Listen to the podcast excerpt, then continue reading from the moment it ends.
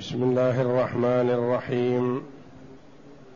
الحمد لله رب العالمين. والصلاة والسلام على نبينا محمد وعلى آله وصحبه أجمعين. وبعد.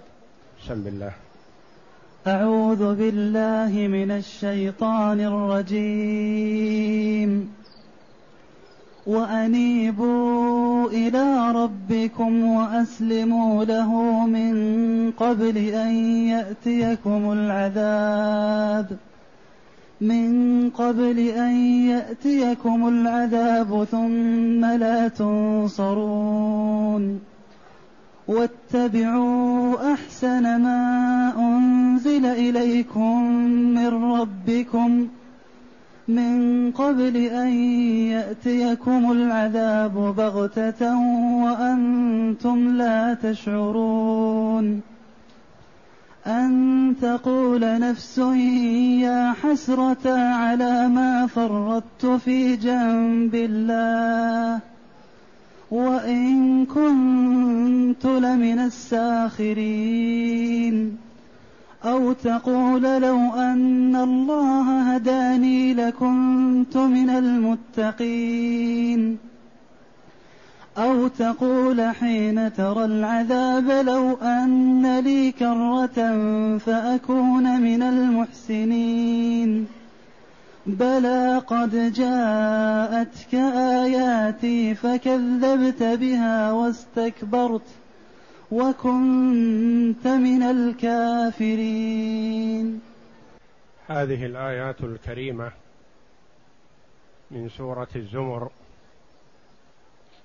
جاءت بعد قوله جل وعلا قل يا عبادي الذين أسرفوا على أنفسهم لا تقنطوا من رحمة الله. إن الله يغفر الذنوب جميعا. إنه هو الغفور الرحيم.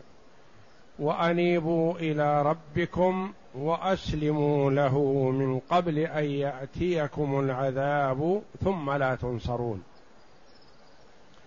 الآية السابقة فيها البشارة من الله جل وعلا.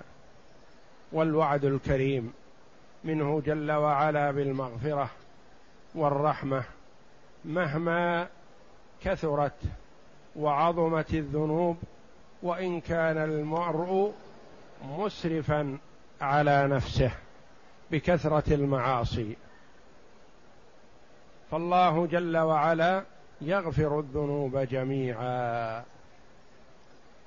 وهذه الآية الكريمة وما بعدها فيها الترهيب والتخويف من الاستمرار على المعاصي ثم قد يفاجئ المرء الموت والعذاب وهو على حالته السيئة فهو مأمور بأن يرجع إلى الله. إذا وقع في المعصية أناب إلى الله وتاب إليه واستغفره فيتحقق له الوعد الكريم في الآية الأولى. وأنيبوا إلى ربكم وأسلموا له. أنيبوا. أناب بمعنى رجع وتاب إلى الله. وقال جل وعلا إلى ربكم. ولم يقل وأنيبوا إلى الله. قال وأنيبوا إلى ربكم الذي رباكم بالنعم. وجاد عليكم. وهو الذي تولاكم. من أول أمركم. أنيبوا إليه. وأسلموا له. والإسلام هو الاستسلام لله بالتوحيد والانقياد له بالطاعة والخلوص من الشرك. وأسلموا له سلموا أمركم إليه استسلموا له بالطاعة واجتناب المعصية. قال بعض المفسرين رحمهم الله هذه الآية في حق الكفار لأنه قال أسلموا. وهذا الكلام يصح أن يقال للكافر أسلم إلى الله. ويقال للمؤمن أسلم أمرك إلى الله تب إلى الله ارجع إلى ربك. وأسلموا له من قبل أن يأتيكم العذاب. إذا جاء العذاب حينئذ لا ينفعكم الإنابة ولا تنف ولا ينفعكم الإسلام حينئذ. لأن المرء يستفيد من توبته يستفيد من إسلامه قبل أن يرى العذاب. أما إذا رأى العذاب فقد حيل بينه وبين التوبة ولا ينتفع بإسلام حينئذ. كما قال الله جل وعلا لفرعون لما قال آمنت أنه لا إله إلا الذي آمنت به بنو إسرائيل وأنا من المسلمين. قيل له الآن وقد عصيت قبل وكنت من المفسدين. الآن ما ينفع. قد يقول قائل قد ورد قوله جل وعلا لقوم يونس إلا قوم يونس لما آمنوا كشفنا عنهم عذاب الخزي في الحياة الدنيا ومتعناهم إلى حين. نفعهم توبتهم. نقول نعم نفعتهم توبتهم لأنهم لم يعاينوا العذاب. فالمرء يتوب في حال مرضه يقبل الله جل وعلا توبته. يتوب إذا عاين ملائكة العذاب لا تنفعه توبته. يتوب إذا عاين العذاب ما تنفع. إذا أيقن بالموت لا تنفع التوبة حينئذ. وأما ما دام لم يعاين ولم تصل الروح الحلقوم فالتوبة مقبولة بإذن الله. من قبل أن يأتيكم العذاب إذا جاء العذاب حينئذ وعاينه ما يستفيد المرء من إنابته من إنابته إلى الله ولا من إسلامه. فإذا عاين العذاب حينئذ لا ينصر. ولا يستفيد من رجوعه إلى الله. من قبل أن يأتيكم العذاب ثم لا تنصرون. لا يقبل منكم. والمرء يكون على استعداد دائما وأبدا لأنه لا يدري متى يفاجئه الموت أو الأجل أو العذاب. لأن المرء قد يقع في المعصية فيفاجئه العذاب وهو على معصيته. ينتقم الله جل وعلا منه وهو على معصيته. ثم استحث الله تبارك وتعالى عباده إلى المسارعة إلى التوبة فقال وأنيبوا إلى ربكم وأسلموا له أي ارجعوا إلى الله واستسلموا له من قبل أن يأتيكم العذاب ثم لا تنصرون. أي بادروا بالتوبة والعمل الصالح قبل حلول النقمة.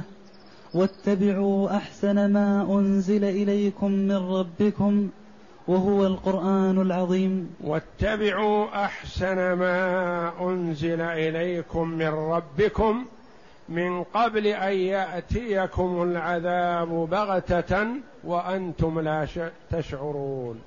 أمر من الله جل وعلا. بأن يتبع المرء أحسن ما أنزل إليه من الله. ما هو هذا الأحسن؟ هو القرآن. القرآن أحلوا حلاله. وحرموا حرامه واعملوا بمحكمه وآمنوا بمتشابهه. وارجعوا إليه في جميع شؤونكم. هذا الاتباع. أما أن يتبع القرآن في شيء ويعارضه في أشياء فهو ما اتبعه. قال الحسن رحمه الله التزموا طاعته واجتنبوا معصيته.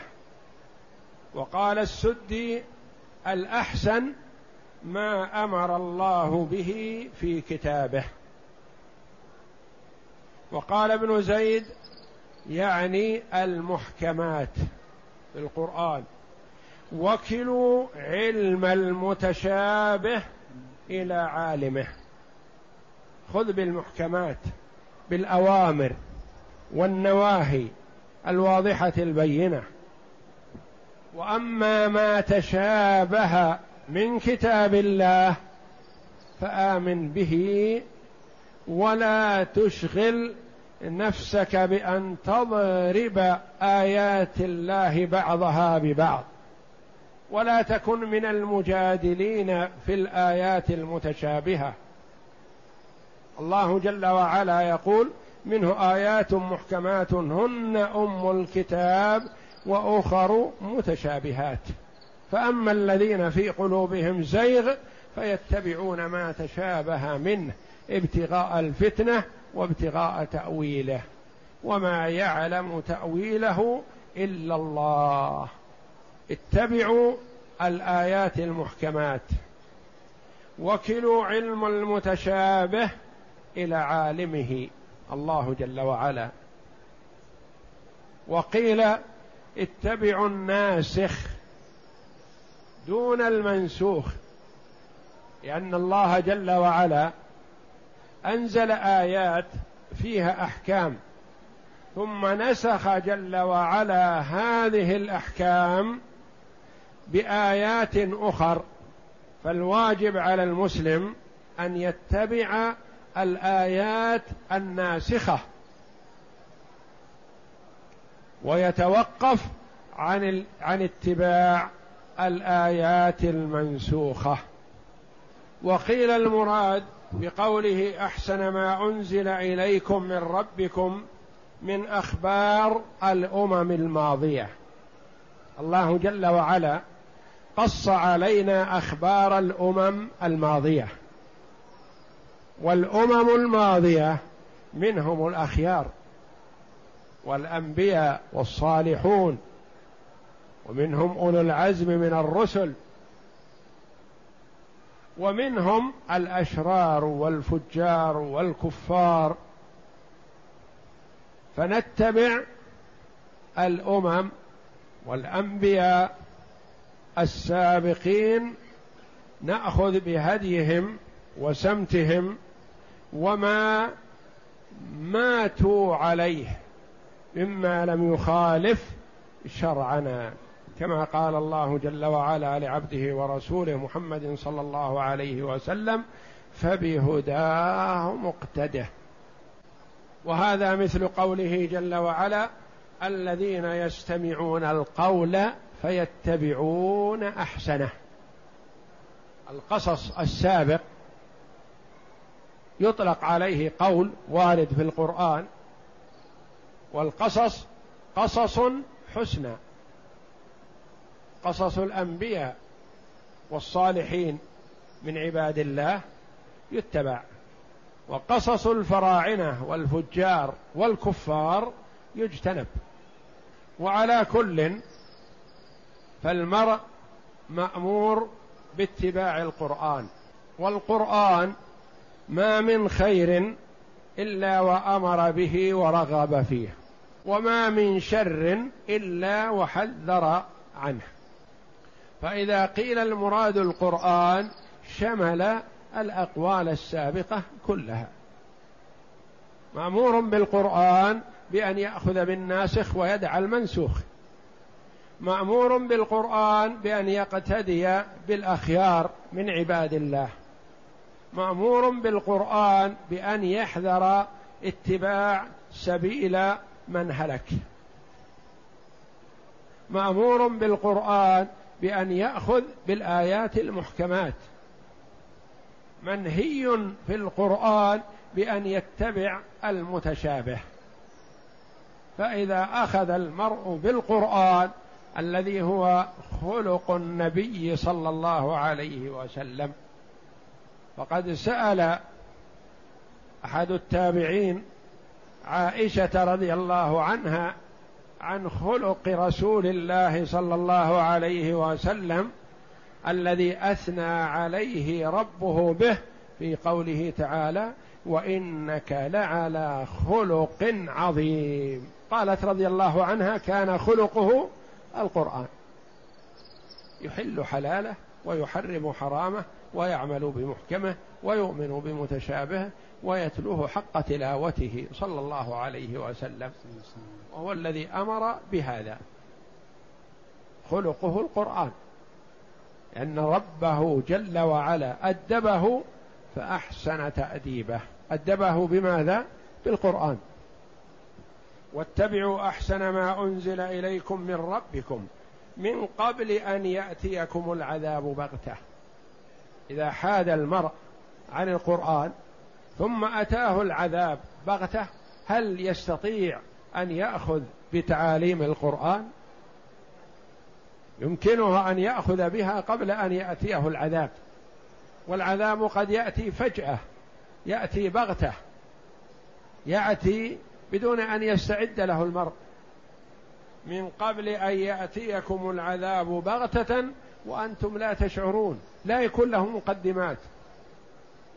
فالله جل وعلا قد يمهل الظالم ثم يأخذه فجأة يأخذه بغتة يأخذه على أقوى حال كان هو. يأخذه على أخبث حال سيئة كان يعملها. يأخذه بدون نذارة بدون مقدمات يباغته الأجل. يباغته العذاب الهلاك على حال سيئة والعياذ بالله. فالله جل وعلا يحذر عباده من الوقوع في المعاصي التي قد يؤخذون عليها فيختم لهم بسيء أعمالهم فيكونوا من أهل النار والعياذ بالله. واتبعوا أحسن ما أنزل إليكم من ربكم من قبل أن يأتيكم العذاب بغتة وأنتم لا تشعرون لا تدرون. يأتي العذاب مفاجئ. نعم. من قبل أن يأتيكم العذاب بغتة وأنتم لا تشعرون أي من حيث لا تعلمون ولا تشعرون. ثم قال عز وجل أن تقول نفس يا حسرة على ما فرطت في جنب الله. أي يوم القيامة يتحسر المجرم المفرط في التوبة والإنابة ويود لو كان من المحسنين المخلصين المطيعين لله عز وجل. أن تقول نفس. أن تقول نفس أي لئلا تقول نفس. لئلا تقول نفس. ونفس هنا نكرة. والنكرة يأتي للتكثير لأن هذا سيقوله كثير من الناس كثير من الأنفس. كما قال الله جل وعلا علمت نفس ما أحضرت المراد بها التكثير يا حسرة يا حسرة قراءة الجمهور بألف وقراءة أخرى يا حسرتاه بهاء السكت. تنتهي بهاء السكت. وقرئ يا حسرة يا حسرتي بالياء. أن تقول نفس يا حسرة على ما فرطت في جنب الله. يتحسر ويتأسف ويندم. ويظهر الندامة لكن بعد فوات الأوان. المرء في الدنيا إذا ندم وتاب إلى الله جل وعلا نفعه ندمه بإذن الله. لكن إذا باغته العذاب ووقع في العذاب في الدنيا فإنه يوم القيامة يتحسر. يقول يا حسرة على ما فرطت في جنب الله. لكن هذا التحسر وهذه الندامة لا تنفعه لأنه فات الأوان. والمراد بقوله جل وعلا على ما فرطت أي تفريطي وتقصيري وإهمالي في جنب الله أي في طاعة الله جل وعلا. وقيل في ذكر الله جل وعلا وقيل في اتباع ما أمر الله جل وعلا به وأمر به رسوله صلى الله عليه وسلم. نعم.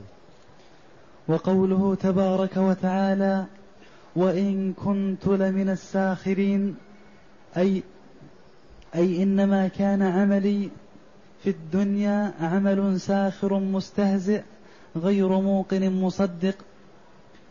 وإن كنت أي وما كنت. إلا من الساخرين يعني من المستهزئين. والواقع في الإثم نوعان. نوع من الناس معرض عن طاعة الله.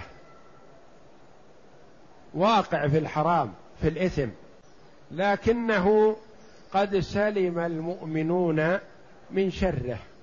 ما يسخر ولا يستهزئ. والآخر والعياذ بالله الذي هو الأخبث والأسوأ جمع الرذيلتين فرط في طاعة الله وترك الطاعة وفعل المعصية وجمع مع هذا السخرية بالأخيار. وهذا أخبث وأشد إثما. فذاك يتحسر لأمرين لأنه فرط في الطاعة فلم يطع الله جل وعلا. ولأنه مع تفريطه في الطاعة كان يسخر ممن يأمره بالخير أو ينهاه عن الشر. يتهكم بالصالحين يتهكم بالأتقياء يتهكم بأولياء الله جل وعلا. والسخرية بالأولياء والصالحين لكونهم أطاعوا الله جل وعلا واجتنبوا المحرمات. هذه صفة ذميمة صفة قبيحة يستحق عليها المرء العذاب الأليم في الدار الآخرة. كما قال الله جل وعلا قل أب الله وآياته ورسوله كنتم تستهزئون. لا تعتذروا قد كفرتم بعد إيمانكم. فليحذر المرء السخرية من سنة من سنن رسول الله صلى الله عليه وسلم. كمن يسخر مثلا بصاحب اللحية الذي اقتفى سنة رسول الله صلى الله عليه وسلم وأعفى لحيته. أو يسخر بمن يقصر ثوبه يرفعه عن الكعبين ولا يسبله فيسخر منه. أو يسخر بمن يحافظ على الصلوات الخمس جماعة في المسجد. أو يسخر بالذي يجتنب المحرمات. يسخر بمن يجتنب الكذب. يسخر بمن يجتنب الغيبة أو ينهى عنها فعلى مثل هذا خطر عظيم. إن الذين أجرموا كانوا من الذين آمنوا يضحكون وإذا مروا بهم يتغامزون وإذا انقلبوا إلى أهلهم انقلبوا فكهين وإذا رأوهم قالوا إن هؤلاء لضالون. وما أرسلوا عليهم حافظين. فاليوم الذين آمنوا من الكفار يضحكون على الأرائك ينظرون. يعاقب الله جل وعلا أولئك بأنهم يكونوا في الدار الآخرة مجال السخرية والاستهزاء مثل ما استهزأوا بعباد الله الصالحين.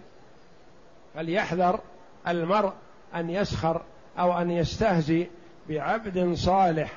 من عباد الله. وإن كان فقيرا وإن كان مريضا وإن كان دميم الخلقة أو غير ذلك من الصفات. ما دام مطيعا لله جل وعلا فليحذر السخرية منه.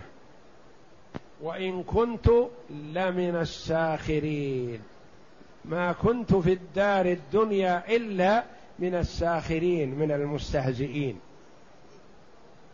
وبعض الناس يستسهل هذا الأمر ويأتي به على سبيل التفكه وإضحاك الآخرين. يهزأ بمن يطيع الله. يهزأ بالمتمسك بالسنة. وهذا على خطر عظيم. إن استهزأ بسنة رسول الله صلى الله عليه وسلم لأنها سنة فهو متوعد. بالوعيد الشديد في قوله جل وعلا قل أب الله وآياته ورسوله كنتم تستهزئون لا تعتذروا قد كفرتم بعد أيمانكم.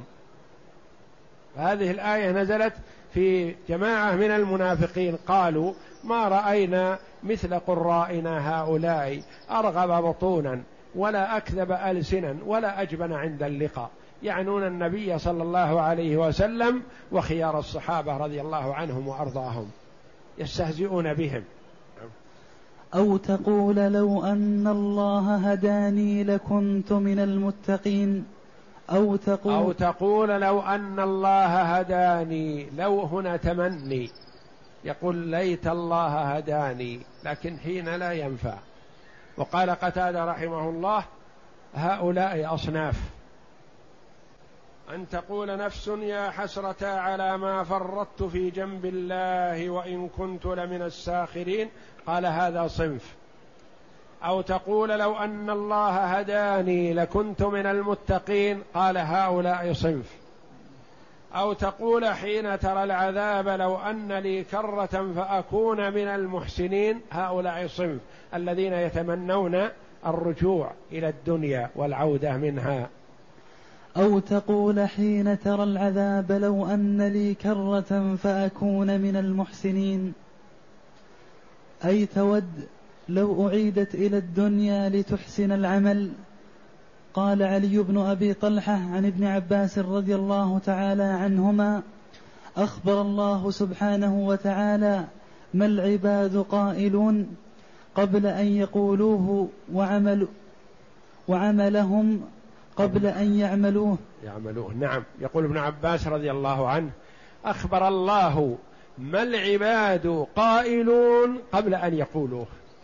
هذا القول قصه الله جل وعلا أن الظالمين يقولونه متى؟ يوم القيامة. فأخبر جل وعلا ما هم قائلوه. وعلم جل وعلا أعمالهم قبل أن يعملوها. الله جل وعلا قد أحاط بكل شيء علما. يعلم جل وعلا ازلا ما العباد قائلون. ويعلم جل وعلا ازلا ما العباد عاملون. فهو جل وعلا لا تخفى عليه خافية. يخبر سبحانه ماذا سيقوله الظالم يوم القيامة قبل أن يأتي ليكون في هذا عظة وعبرة لمن وفقه الله جل وعلا فتاب إلى الله وندم عما فرط منه. نعم. ولا ينبئك مثل خبير. أي الله جل وعلا فهو يخبر عما سيأتي وهو عالم به جل وعلا. نعم. أن تقول نفس يا حسرة على ما فرطت في جنب الله وإن كنت لمن الساخرين أو تقول لو أن الله هداني لكنت من المتقين أو تقول حين ترى العذاب لو أن لي كرة فأكون من المحسنين. ما من نفس تدخل النار ليزداد حسرة وندامة والعياذ بالله. وما من مؤمن يدخل الجنة إلا ويرى مقعده من النار لو كفر ليزداد شكرا لله جل وعلا. نعم. فأخبر الله عز وجل أن لو ردوا لما قدروا على الهدى فقال ولو ردوا لعادوا لما نهوا عنه هم يتمنون الرجعة والله جل وعلا أعلم بما بحالهم لو ردوا لاستمروا على ما كانوا عليه. كما قال الله جل وعلا ولو ردوا لعادوا لما نهوا عنه. نعم. وإنهم لكاذبون. يعني لكاذبون في أنهم لو ردوا آمنوا ما يصدقون. نعم. وقد قال الإمام أحمد عن أبي هريرة رضي الله تعالى عنه قال قال رسول الله صلى الله عليه وسلم كل أهل النار يرى مقعده من الجنة فيقول لو أن الله هداني فتكون عليه حسرة. قال وكل أهل الجنة يرى مقعده من النار فيقول لولا, لولا أن الله هداني قال فيكون له شكر. رواه النسائي من حديث أبي بكر بن عياش. يعني يشكر الله جل وعلا الذي من عليه بالإسلام فسلم من هذا المقعد الخبيث وذاك والعياذ بالله يرى مقعده من الجنة لو أسلم ليزداد حسرة وندامة نعم. ولما تمنى أهل الجرائم العودة إلى الدنيا وتحسروا على تصديق آيات الله واتباع رسله وقال الله سبحانه وتعالى بلى قد جاءتك آياتي فكذبت بها واستكبرت وكنت من الكافرين. بلى أي قد جاءك القرآن وجاءتك المواعظ وجاءك الرسول وجاءك الدعاة إلى الله جل وعلا على بصيرة فأرشدوك إلى الحق فلم تقبل. ما أخذت على غرة وما عاقبك الله جل وعلا قبل إقامة الحجة عليك. الله جل وعلا لا يعاقب العباد إلا بعد إقامة الحجة عليهم بعد النذارة. وما كنا معذبين حتى نبعث رسولا. يقول الله بلى قد جاءتك آياتي فكذبت بها لم تقبلها ورددتها واستكبرت عنها. تعاظمت وتكبرت عن أن تصلي مع الفقراء والمساكين. تكبرت وتعاظمت عن أن تجلس مع عباد الله الصالحين. كما قال كفار قريش للنبي صلى الله عليه وسلم نستحي أن نجلس مع هؤلاء الفقراء. فاطردهم عنك لنجلس معك. وهذا ما حملهم على هذا إلا الكبر. والغطرسة. قال الله جل وعلا بلى قد جاءتك آياتي الدالة على وحدانية الله جل وعلا آيات القرآن والمواعظ والعبر. فكذبت بها لم تقبلها ورددتها على من جاءك بها واستكبرت تعاظمت. عن أن تصلي مع الفقراء والمساكين عن أن تأتي إلى المسجد تقول أستحي أصف بجوار هذا الفقير بهذا المريض بهذا كذا بكذا بكذا إلى آخره. هذا تكبر وتعاظم وإلا فالمفروض بالعاقل أن يحمد الله جل وعلا ويبادر إلى ما أمره الله جل وعلا به وإذا رأى من دونه يزداد شكرا لله جل وعلا وحمدا له على أن تفضل عليه. الحمد لله الذي فضلني على كثير ممن خلق تفضيلا. فيحمد الله جل وعلا على ذلك ويجود على من دونه بما تيسر له. ويتحبب إلى إخوانه الفقراء والمساكين ولا يتكبر ولا يتعاظم عليهم.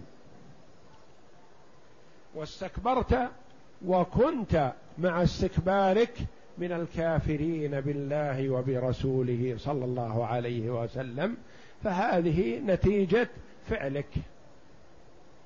استكبرت عن الحق وتعاظمت فنتج عن ذلك كفرك بالله جل وعلا فهذا مصيرك وهذا مآلك.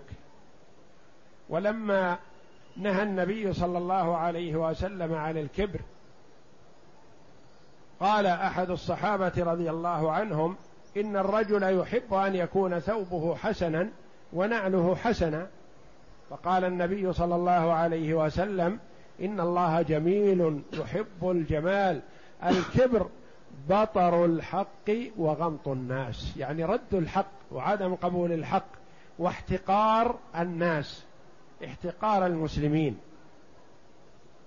واستكبرت وكنت من الكافرين. فالكبر صفة من صفات الكفار لا من صفات المؤمنين. وستأتي بإذن الله الأحاديث الواردة في النهي عن الكبر في الآيات اللاحقة فيما بعد. في قوله جل وعلا ويوم القيامة ترى الذين كذبوا على الله وجوههم مسودة أليس في جهنم مثوى للمتكبرين؟ والله أعلم وصلى الله وسلم وبارك على عبد ورسول نبينا محمد وعلى آله وصحبه أجمعين.